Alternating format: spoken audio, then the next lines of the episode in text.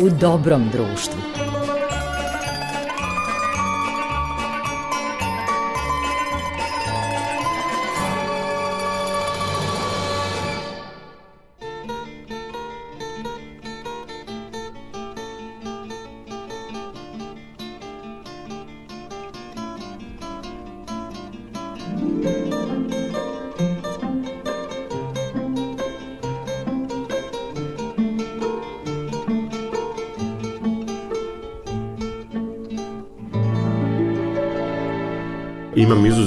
Čast, e, poštovani slušalci, da vam predstavim e, sveštenika Branislava Kerečkog i razgovaramo u parohijskoj kancelariji hrama pokrova presvete Bogorodice u Petrovaradinu.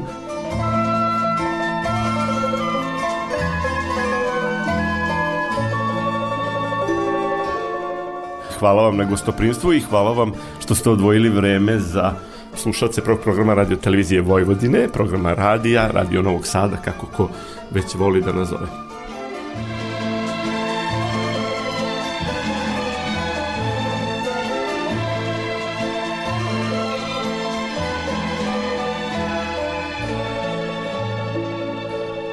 Čini se, oče, da mira nikad manje, a svi ćemo se narednih dana pozdravljati radosnim pozdravom Mir Boži Hristo se rodi koji poziva na mir.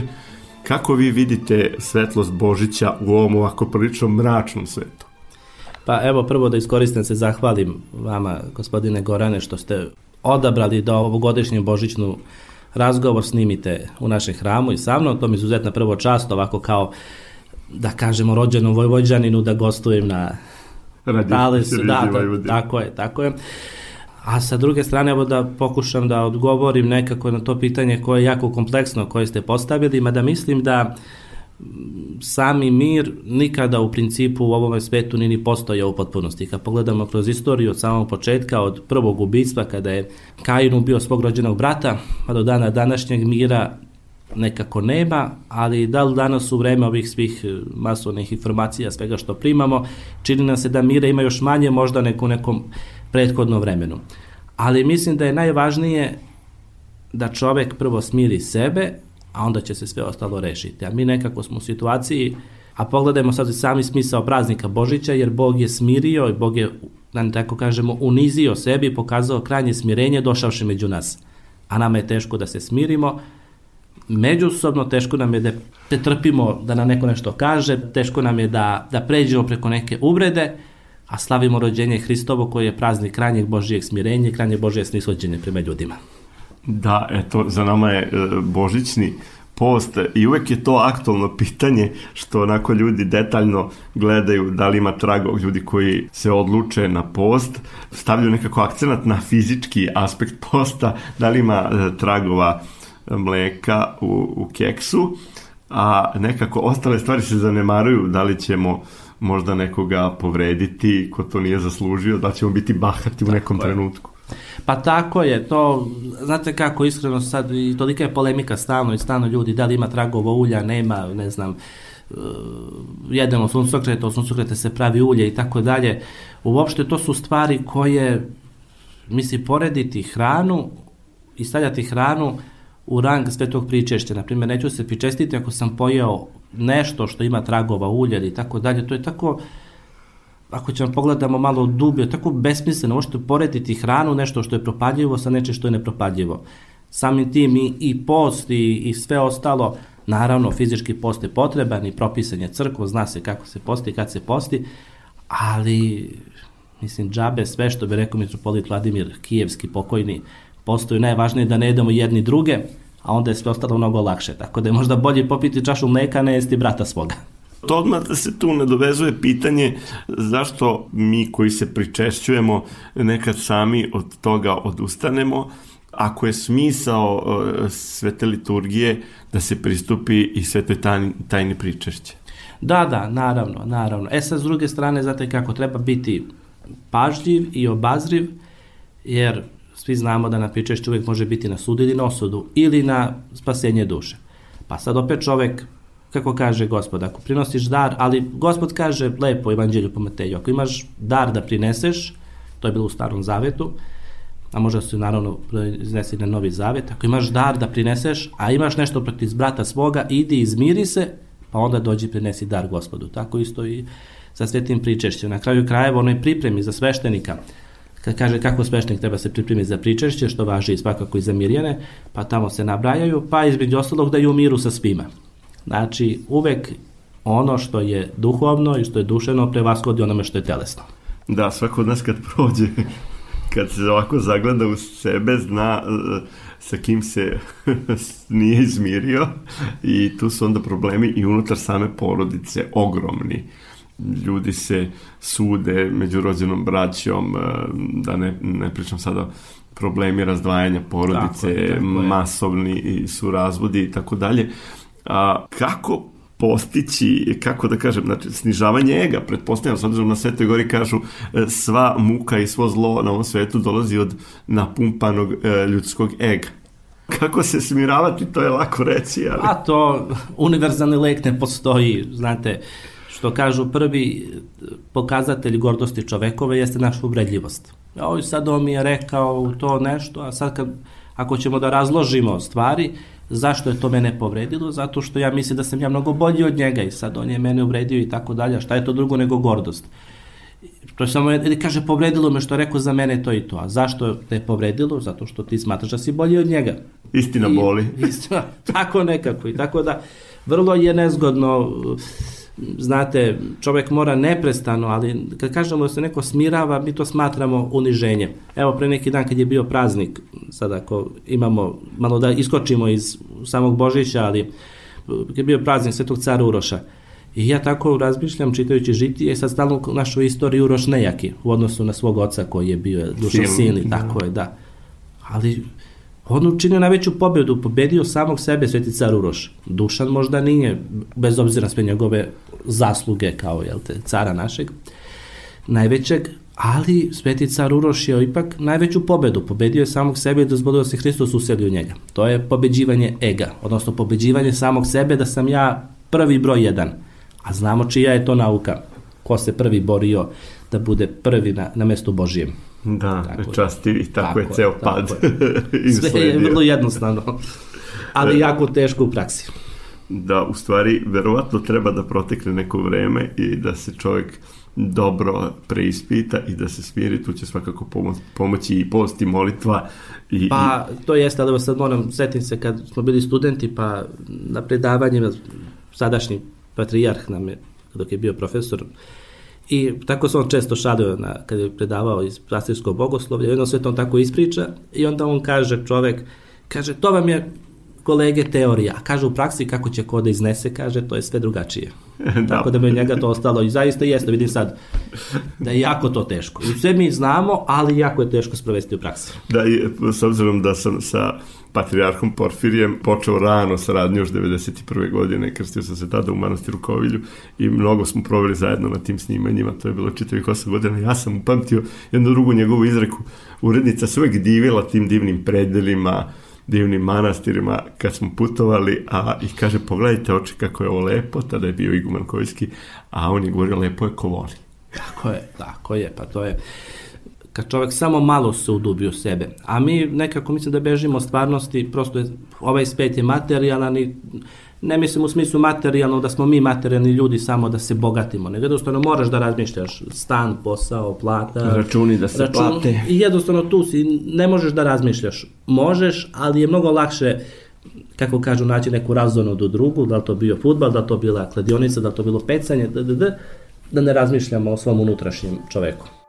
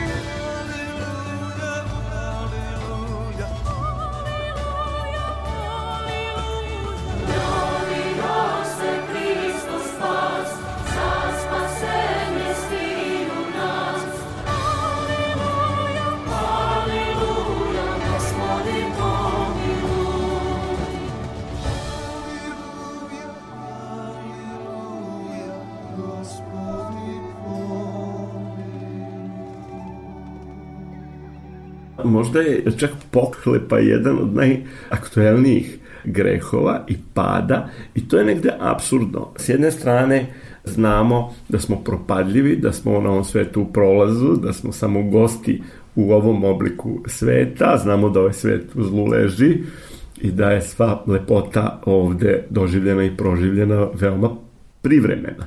A s druge strane, to smo videli, ako, ako ne ranije, onda, onda u vreme pandemije covid pritisaka, izolacija, možda nismo mogli da pretpostavimo mi koji smo gledali neke partizanske filmove da će ponovo postojati policijski čas.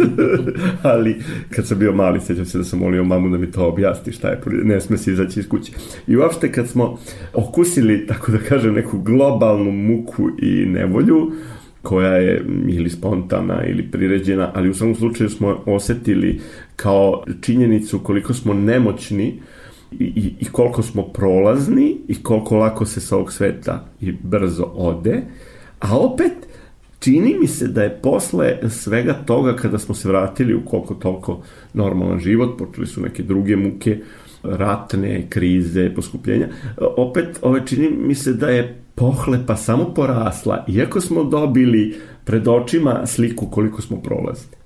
Pa, verovatno, znate šta, e, kod nekih, kod nekih taj osjećaj, ja sad, mislim, mi koji nemamo mnogo, možda i nismo u, u, u tom kolu bili da, da bismo to osetili, ali znate, ko ima puno, pa mu sad stao posao, stalo sve, na primjer, turistički radnici, samo primjerne naopako da nekog, ali turizam... Neko nije i procvetao posao. Pa dobro, ali većina prevoznici, vo- vošte koliko čitavi lanci su propadali zbog toga, i sad onda je sad odjedan put došlo vreme prividne slobode, mislim prividne slobode, Privremene. pa kako da je nazovemo, od covid ljudi su, i onda računa daj sad što više da zaradim, što više da otmem, ako se to ponovi, znate, prosto nije kod svakog izazvalo kako treba. Stvar, neko je shvatio ovo što ste vi pričali, neko je to shvatio razlog da još više otima, misleći da će to bezbedi sebi, ako, jer ovo je bilo prilike godinu dana je trajalo, je tako, kod nas neka vrsta zatvaranja,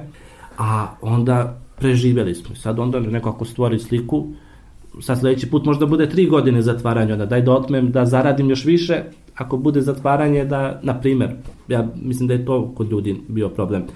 Ali mislim da je mali broj ljudi samo shvatio, mada to je za pravoslavne hrišćane, bez obzira koliko nama bilo teško jednom momentu, opet mi treba da shvatimo, mi smo bili slobodni. I sad nema veze, jesmo bi bili zatvoreni u kućama i tamo, to je sve telesno. Naš um niko ne može da zarobi.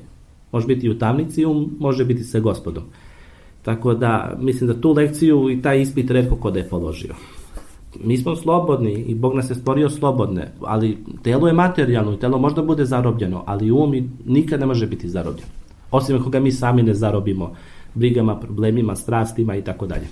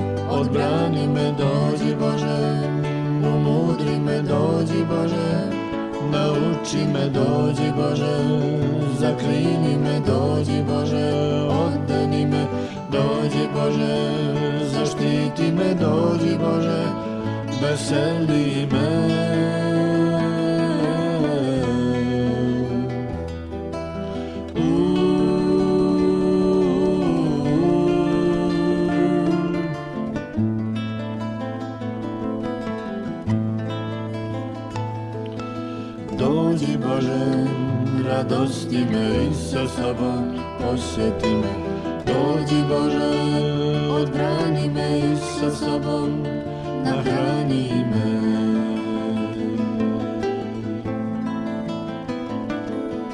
Dođi Bože, izleči me i sa sobom počisti me.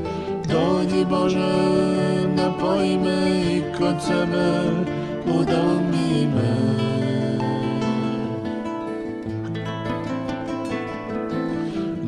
Dođi Bože, pomozi me i sa sobom Osnaži me, dođi Bože, uteši me i od suza obriši me. Dođi Bože, oboži me kroz vekove, umnoži me, dođi Bože,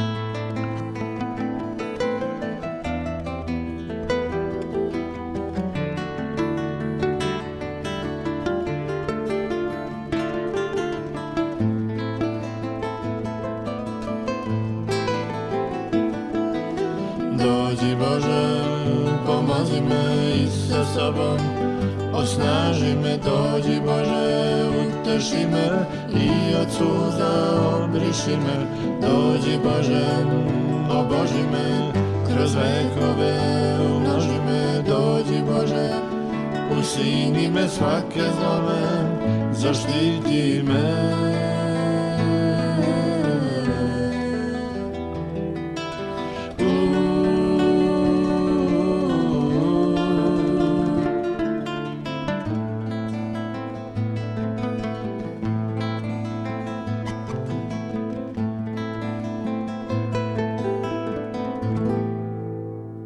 Poštovani slušalci, slušate razgovor sa ocem Branislavom Kerečkim, starešinom eh, hrama pokrova presvete Bogorodice u Petrova Radinu, čisto da podsjetim.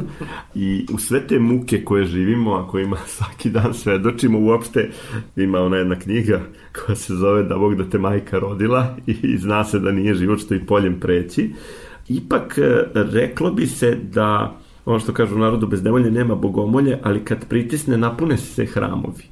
I zaista, pošto u nekom kontinuitetu, kako je počelo to neko duhovno nacionalno buđenje krajem 80-ih, početkom 90-ih u Srbiji. Mi smo tada počeli da radimo i prvo televizijsku veronauku, Bukvar pravoslavlja, upravo sa episkopom Bačkim i današnjim patrijarhom Porfirijem i mnogim danas istaknutim arhijerejima koji su tada bili jeromonasi koliko pomaže ljudima koji se apsolutno nekako duhovno pogube, koji ne mogu da se snađu, koliko im pomogne i samo prisustvo bogosluženju i sam ulazak u svetinje i kako je delovao taj kontinuitet, imali smo posle jedan, da tako kažem, pad, neki put mi poistovećujemo veru i čoveka, pa ako nam se da dopada sveštenik, onda neće, neće neko ni da ide u crkvu ili napravi jednu distancu, da ne govorimo o tom nekom bogoborstvu koje je dalje prisutno i tom nekom nasleđu ateizma od Jugoslavije, da neko ima apsolutno gađenje na sve što miriše na tamjan i na svaki susret sa mantijom. Tako da bih malo onako da da čujem vaše mišljenje otprilike, vi ste veoma mlad sveštenik, ali imate dovoljno iskustva. Pa evo prvo, pošto ste pomenuli Bukar pravoslavlja, da kažem da sam i ja kao mali uživao gledajući, zaista, sad ne da vam laskam, nego zaista sam onako bilo to, pravo. Čast mi je. Jeste, ja sam da imao 4, 5, 6 godina, 7 kad je ono bilo, pa reprize, pa sve ono i onda, i sad se sećam onih prizora. A bili ste pobožni od malena? Pa jesam, tako bi, prosto mi je to uvek onako bilo fascinantno i iskreno, tad sam prvi put, dobro, možda pre prvi, drugi razred, pa onda onaj, na primjer, kad se snimali emisiju o krštenju, ono potpuno pogružavanje, to je nešto što je meni bilo tada i uopšte nepoznanica. Taj, tu sam prvi, prvi put video za potpuno pogružavanje, pa one velike schime na monasima i tako dalje, tako neki detalja si dan danas sećam. Tako da izuzetno mi je drago što što smo se što sarađujemo. Da, da, I što da, vi dolazite povremeno kod nas u hram. I to mi donekle ovako svedoči da ipak radimo dobru stvar. Jer ipak ste vi čovek koji ste godinama u crkvi i sad neću da laskam sebi, ali zato znate da prepoznate kvalitet.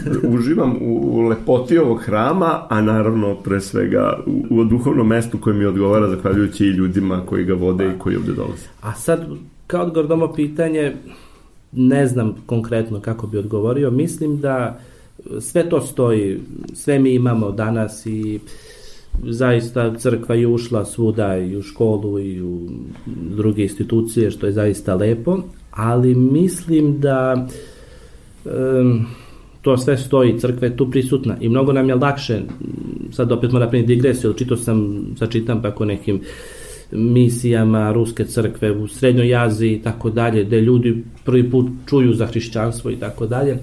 Sad koliko je to teško ljudima objasniti, mi smo ipak blagosloveni, mi smo rođeni u pravoslavnoj zemlji, tu nam je crkva, tu nam je sveta liturgija svakodnevno i mislim da to malo onda i manje cenimo nego drugi. Znate, i nekako ljudi taj svoj odnos, bez obzira na godine i godine koje je crkva prisutna, opet grade taj odnos sa Bogom, treba mi, ne treba mi, daj mi, nemoj da daš i tako dalje i tako dalje živi odnos sa Bogom kroz učešće na bogosluženju je e, zaista teško dostići, mislim, jer svako od nas ima svoje rvanje sa Bogom. Zašto si dopustio ovo? Ja sam dobar, ti si dao ovo, to je ali to je jedno rvanje Jakobljavo iz Starog Zaveta, neprestano naše rvanje sa Bogom. Ne u smislu da hoćemo da ga pobedimo, nego da, da prihvatimo njegovu volju, da prihvatimo da on zna najbolje šta je za nas, a mi mislimo da smo najpametniji. Što nismo svi pravedni ovdje. pa da, ali Tako da i u našem narodu zaista jeste, svi smo mi, većina je pravoslavni hrišćana i tako dalje, ali mislim da... Posledice ateizma su ipak veliki. Pa ali uopšte, mislim sad mi kad čitamo Vizantija, Ruska imperija za vreme svetih careva i tako dalje, sam ja to zamišljam su tada tamo bili svi sveti ljudi, su bili od ministra do, do poslednjeg činovnika su svi bili sveti I ljudi. sad su na freskama. Pa, ali su samo pojedini na freskama i u Vizantiji je živelo milioni ljudi pa su samo pojedini na freskama. U, u Ruskoj carskoj imperiji živeli su milioni ljudi, ali redko ko se spasao, znate mnogo je zvanih, malo odabranih, jel tako?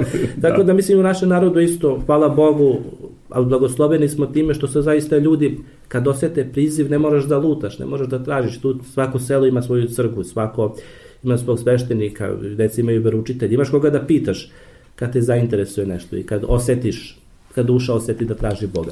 Tako da, s te strane je mnogo lakše i mnogo pristupačnije. E sad, koliko ko umije da ceni, to je druga stvar. Da, a opet rekao bih da je lepo da ljudi krenu.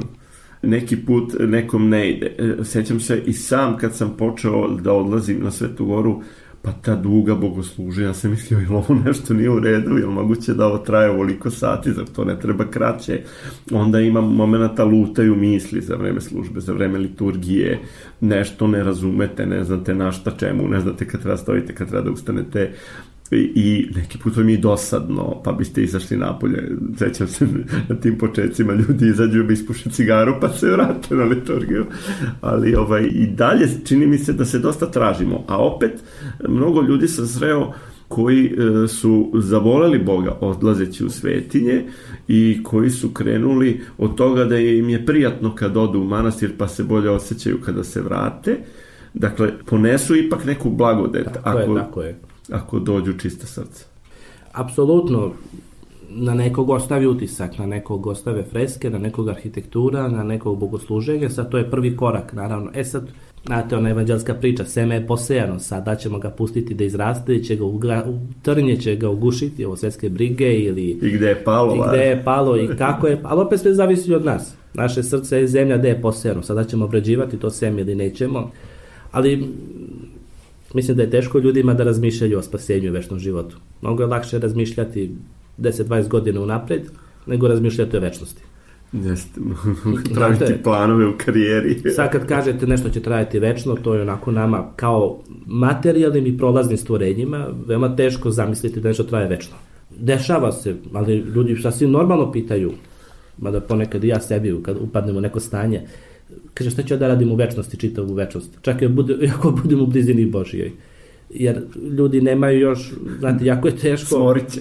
Smo, pa da, jer kao, šta će biti u raju, dobro, 100 godina, 200, znate, jer mi smo materijalni i prolazni, jako je teško to, potrebno je jako puno vremena da bi čovek shvatio suštinu našeg života, da smo mi u stvari ovde postavljeni da za prolazno kupimo neprolazno i za privremeno da kupimo večno.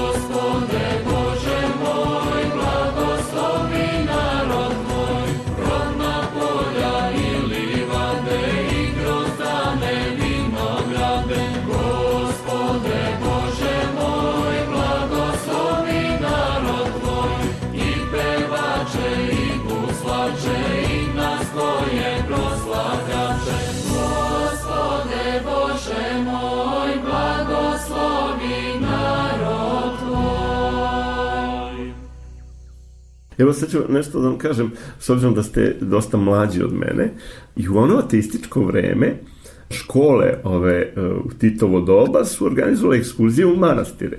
I mi smo išli u manastire na teritoriji Socialističke republike Makedonije i to se tako zvalo, nije se govorilo koje crkvi pripadaju ti manastiri.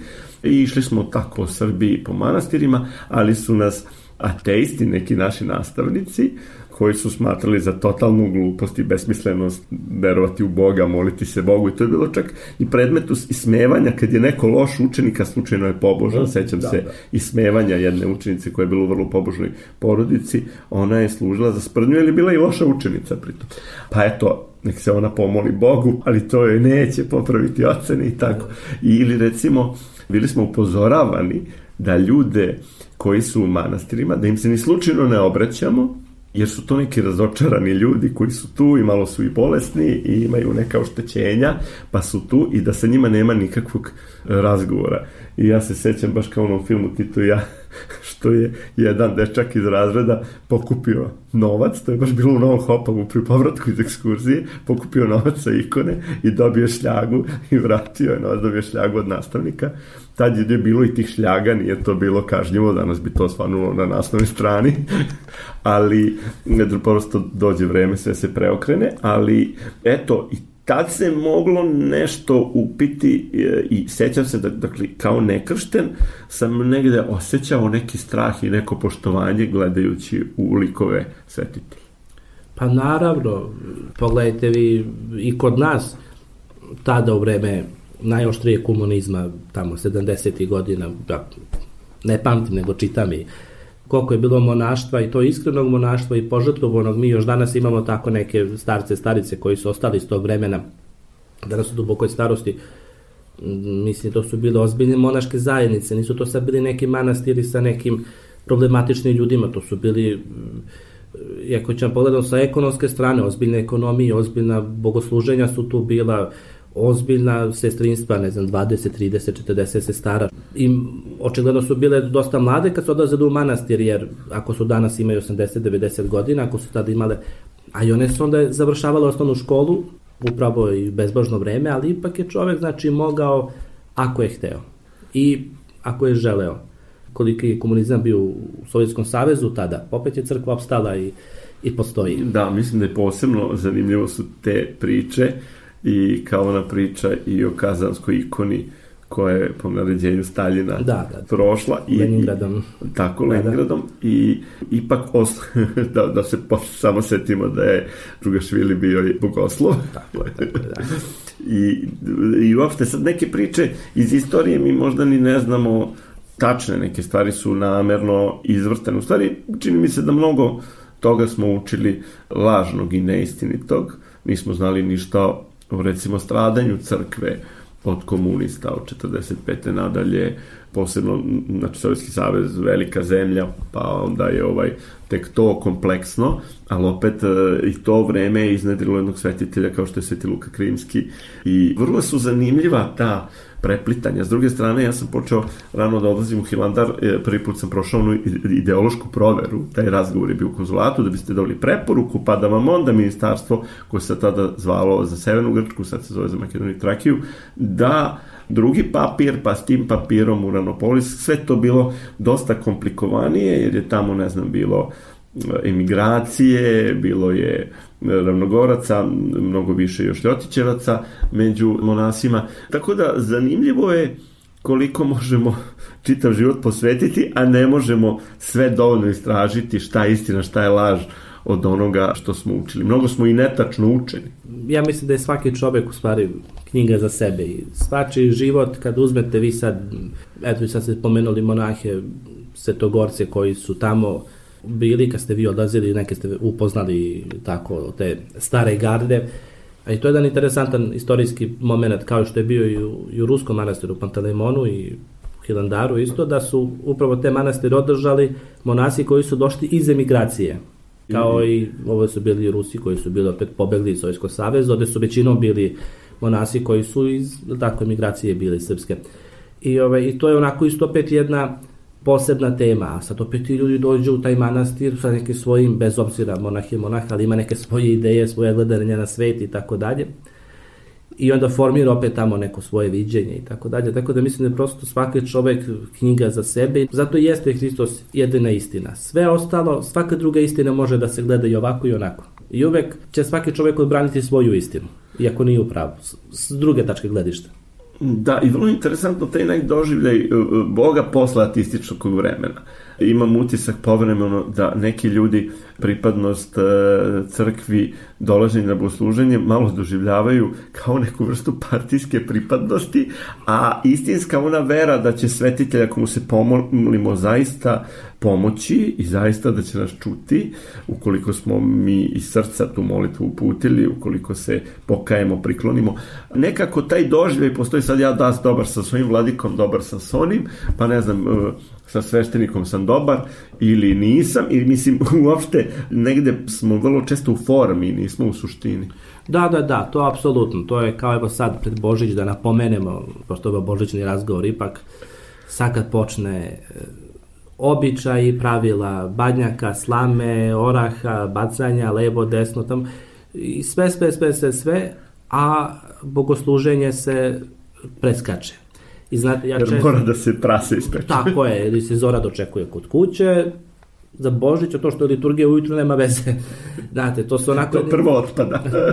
to uvek, mislim, bogosluženje se uvek žrtvuje. Sad, evo, sad su slave bile, praznici, dobro, doneću kolač u pet ujutru, da ne bi bio na liturgiji, zato što pečem ribu, dolaze gosti, uvek se sve radi na uštrb bogosluženja. Aha, upravo je sveta liturgija centralna proslava nekog praznika. To bez, znači, i pričešće na svetoj liturgiji, to su, naprijed, Božić, završava se Božićni post, Zašto smo postali Božićni post ako se nećemo pričestiti na Božić? Znači, potpuno jedno, jedan promašaj.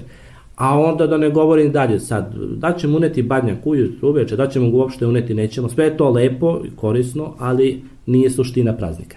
Tako da, ja se često šalim i mislim da je vrlo važno ovaj, sad kad dođe, znate, badnji dan, pa badnje, sad, na primjer, badnji dan liturgija, bude nas u crkvi 20-ak, 30-ak, to je u stvari već priprema za Božić, čitaju se parimeji Božićne, već je počelo slavlje Božića.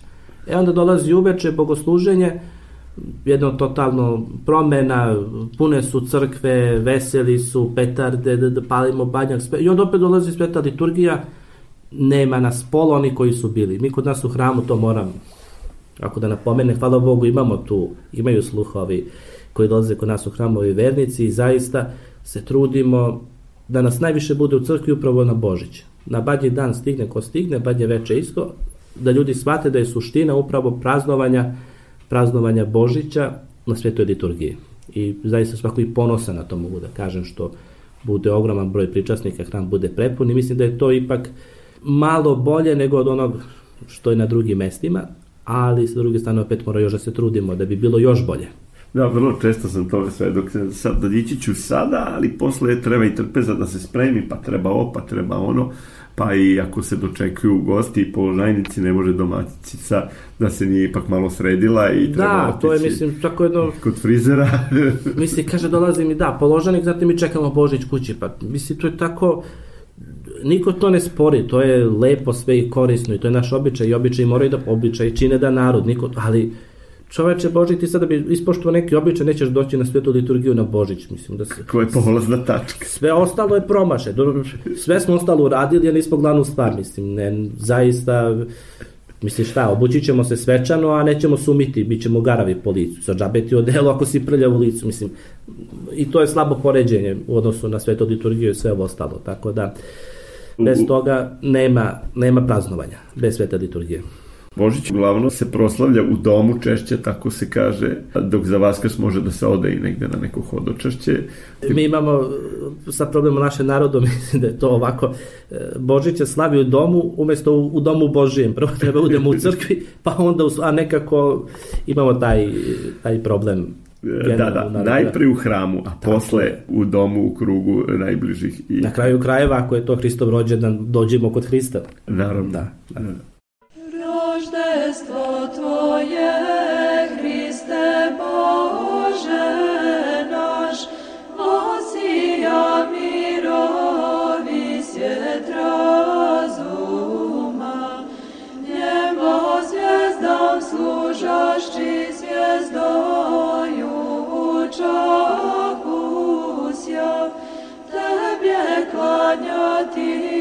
sja soncu pravdi i Tebe vjedjeti svi soti vostoka, Gospodi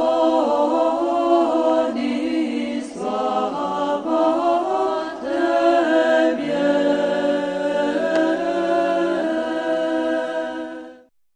Hteo sam i ovaj razgovor da ne prođe bez nekog osvrta na vaša poklonička putovanja. Vidio sam dosta zanimljivih fotografija i baš vam zavidim. Planirao sam da u 2024. posetim svetu zemlju, ali to mislim da će biti trenutno komplikovano. Stalno to odlažem, a evo vi ste bili drugi put u, u godini koji je za nas, bili ste već drugi put u svetoj zemlji. Kakva su vaša iskustva sa hodočašća u svetu zemlju? Da, eto, ja sam 2023. u martu bio drugi put, prvi put sam bio pre 15 godina kad su bili maturanti Bogoslovije Svetog Save u Beogradu, onda smo išli na našu matursku ekskurziju, da kažem, Svetu zemlju i sina smo tada obišli. Tad sam onako, ipak je to bilo jedno dečačko vreme, 18 godina, sad sam bio malčice, ne baš malčice, 16 godina stariji, pa se sve to drugačije doživi, ali znate kako, Sveta zemlja je jedno u isto vreme tako divno, a i tako strašno mesto, bar sam ja tako doživeo. Jer, na primer, odlazak na Golgotu, mislim, to je tako jedno potresno i strašno mesto, Golgota. A dolaze ljudi turistički. Sad, dobro, ja ne znam, trudim se da razumem i takva je, ne može niko niko da zabrani, ali te sam tamo da se vidio koliko Bog nas voli, po Bogu na Golgoti se nalazimo, gde je prolivena krv Hristova, dolaze ljudi turistički. Ne, Prve selfie. ne samo selfie, mislim, to, je, to su priče, to je galama, to su šeširi, to su kape, dolaze ljudi sa gitarama, oni hipici, ono smeno, znate, jako teško onda sad čoveku koji je pravoslavni hrišćan da se snađe ideje. Ipak mi, na primer, i u Srbiji, bez obzira, mi nemamo možda kulturu odlaska na bogosluženje kao neki drugi narodi, ali ipak kod nas se zna kad dođeš u crku mora biti tišina, pogotovo kod nas u hramu, ja insistiram, to je poznato tišina, tamo, znate, kad smo služili liturgiju na svetom grobu gospodnjem, patrijarh Jerusalimski je služio, se imao blagoslov i zaista sreću zemaljski da kažemo, a blagoslov u stvari da saslužuje na svetoj liturgiji. S jedne strane služe katolici, tamo su kopti, tamo su, ne znam ko je bio treći, neki etiopljani su bili, svi u isto vreme služimo, to je haos, jedna galama, jako je teško biti svestan na kom se mestu nalazimo u, u svom tom haosu, a s druge strane onda opet, kad čovek se malo udubi, na primjer, iskreno da kažem, kad sam išao jedan put da grob gospodnji, bio onaj red i sad mi sveštenici uvijek nađemo način da se malo promuvamo preko reda i meni su nudili da pređem preko reda, rekao neću da, da idem, rekao ću da stojim u redu da čitam akatist stradanjima Hristovim da bi malo se pripremio za to mesto. Tako da eto, jako je s jedne strane teško na tom mestu biti svestan desi, a s druge strane opet kad se malo udubiš, kad shvatiš desi i šta si, onda opet samo možda kažeš hvala Bogu što si me dostojio da budem na tom mestu gde si ti stavljao i gde si ti stradao i, i gde se to sve izdešavalo za naše spasenje. Da, čovjek kad prvi put ode, verovatno je utisak neverovatan, sve ono što je čitao odjednom je pred njegovim očima. Da, ali... I prostori. Znate, na primjer, zapalo mi za oko i tako, tamo blizu groba gospodnjeg ima jedna zid je samo ostao kuća gde je živjela presveta Bogorodica i piše tamo na engleskom i ne znam kom jeziku da je to deo zida gde je živjela presveta Bogorodica, ali tu je sada pijaca. Prolaze ljudi, bacaju pikavce, bacaju smeće. Ne mislim da neko to radi zle namere, nego turisti, prodavci, muslimani i jevreji tamo i u jednom momentu ja i ova sestra što je bila stvarno mislila da tamo sagli da počistimo malo, rekao, ajde da učinimo makar nešto, da to mesto bude dostojanstvenije. Ali ti ljudi tamo žive i oni prosto drugačije gledaju na svetinju nego mi. Znate, nama je sad strašno, otišli smo u Jerusalim, tamo vidiš ti ljudi žive, ne obraćaju pažnju na svetinju, ne znam, prljavo je ovako, onako, a upravo da se vratimo na nas i mi smo ovde, imamo svetu liturgiju, ali to to je tu, to je nešto što imamo stalno, pa nam nije toliko važno. Ne može da pobegne. E, da, tu je negde i... Nije, danas nije, bit će sutra, za koji dan. Tako. Upravo, a na primjer, pogledamo sad samo da primjer paralelu u Ukrajini pravoslavno stradajući, sad imamo ljude gde ima čitave oblasti gde nema svete liturgije, gde je zabranjeno, gde je znate, puno se piše o tome i čuje se u crkvenim medijima, da, da, je zabranjeno... Svetinja, da. Da, zabranjeno, sad ti živiš u nekom selu, na primjer neka bakica tamo, išla je u crku, crkva oduzeta, služe raskolnici, žena na primjer mora da ide 300 km da bi se pričestila. A do juče imala svetu liturgiju u svom selu, to se, znate, izmenilo. I sad zamislite koja je njena žrtva otići, pričestiti se i biti ismevan u društvu što ideš tamo, to sve, a mi ovde imamo sve na vratima tutut i liturgija, bogosluženje, sve, pa nam je teško. Jeste, uvek mislimo o, na ono što nemamo i šta nam je uskraćeno, tako, a ne tako. na ono što smo dobili i što nam je dar, a to je da vidimo na dva oka, stojimo na dve noge, A to da neko... Voda nam je uvek tu, možemo i da je popijemo, Absolutno. nismo žedni, imamo čistu vodu, imamo toplu vodu, a vidimo koliko recimo ljudi gde su ratovi stradaju i ne mogu da dođu ni do čaše vode. Ne samo, evo sad kad ste to spomenuli, zaboravio sam da kažem na početku na razgovora oko posta, čitao sam neki, neki blog nekog misionara u Africi, pa koji kaže sad otišli su u neku, ne znam u koju državu u Africi i sad pitanje oko posta, kaže oni ljudi čitav život provede jedući samo jednu namirnicu, pošto samo to rađe u njihovoj zemlji, jako su siromašni. I koja sad ideja posta tamo, sad zamislite njima reći e, da si postio ovako i onako, ili tu ima tragova ovog ili onog, ljudi provedu čitav život jedući jednu namirnicu. Pošto, Samo pirinač, recimo. Pa nešto je, ne znaš, neka biljka. Dobro, sad mislim, a mi sad ovde cedimo komarca, tražimo sad, ima tragova, nema, tamo, vamo i, znate, prosto ovaj, nije čovek svestan onoga što ima i zato i ne ceni. Malo je materijalno prevagnulo. Apsolutno, apsolutno. A treba da se vratimo duhovno i veliki praznici nas svakako na to podsjećaju i da trebamo nađemo mir u sebi i da se izmirimo sa bližnjima i onda će se mir tako širiti, ne možemo na ono što ne možemo da utičemo, ne možemo, možemo se uvek pomoliti. Samo sebe možemo da menjamo. Nikog više. Da. I nismo ni prizvani, na kraju krajeva gospod će te pitati šta si ti radio. I ništa više nas neće pitati.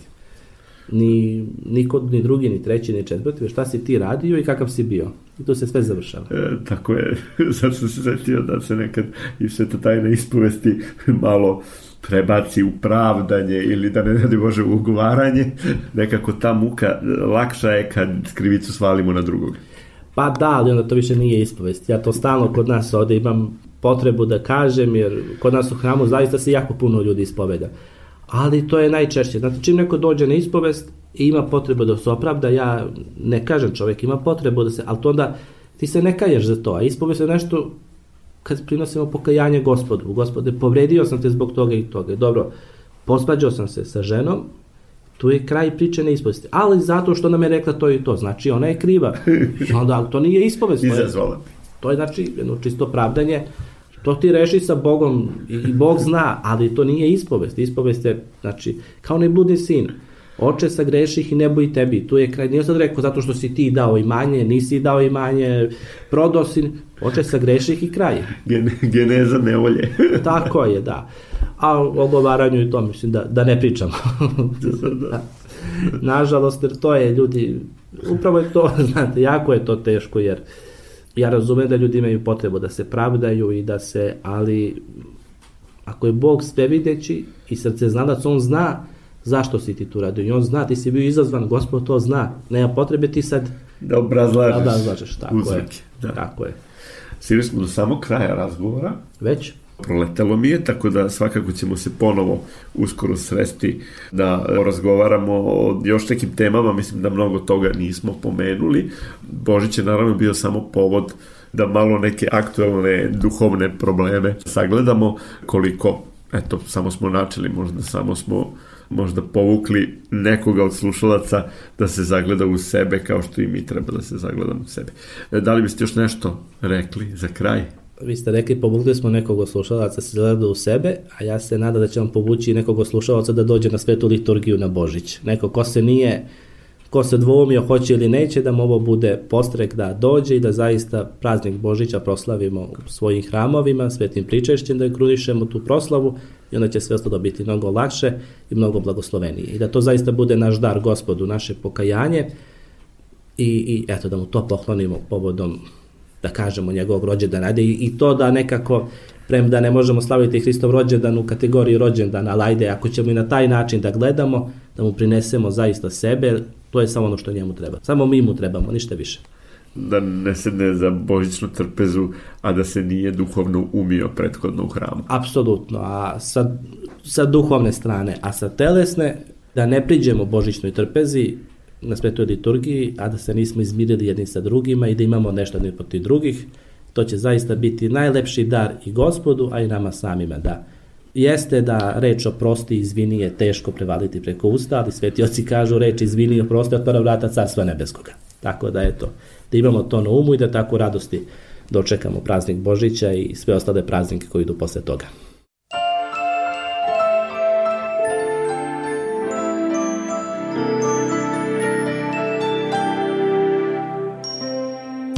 Bio otac Branislav Kerečki, sveštenik starešina hrama pokrova presvete Bogorodice u Petrovaradinu. Dobrodošli u ovaj divni hram, ovako kako je uređen, mislim da da ćete biti veoma obradovani kada vidite da su tu i mošti i ikone i da zaista priziva svaki kutak ovog hrama priziva na molitvu.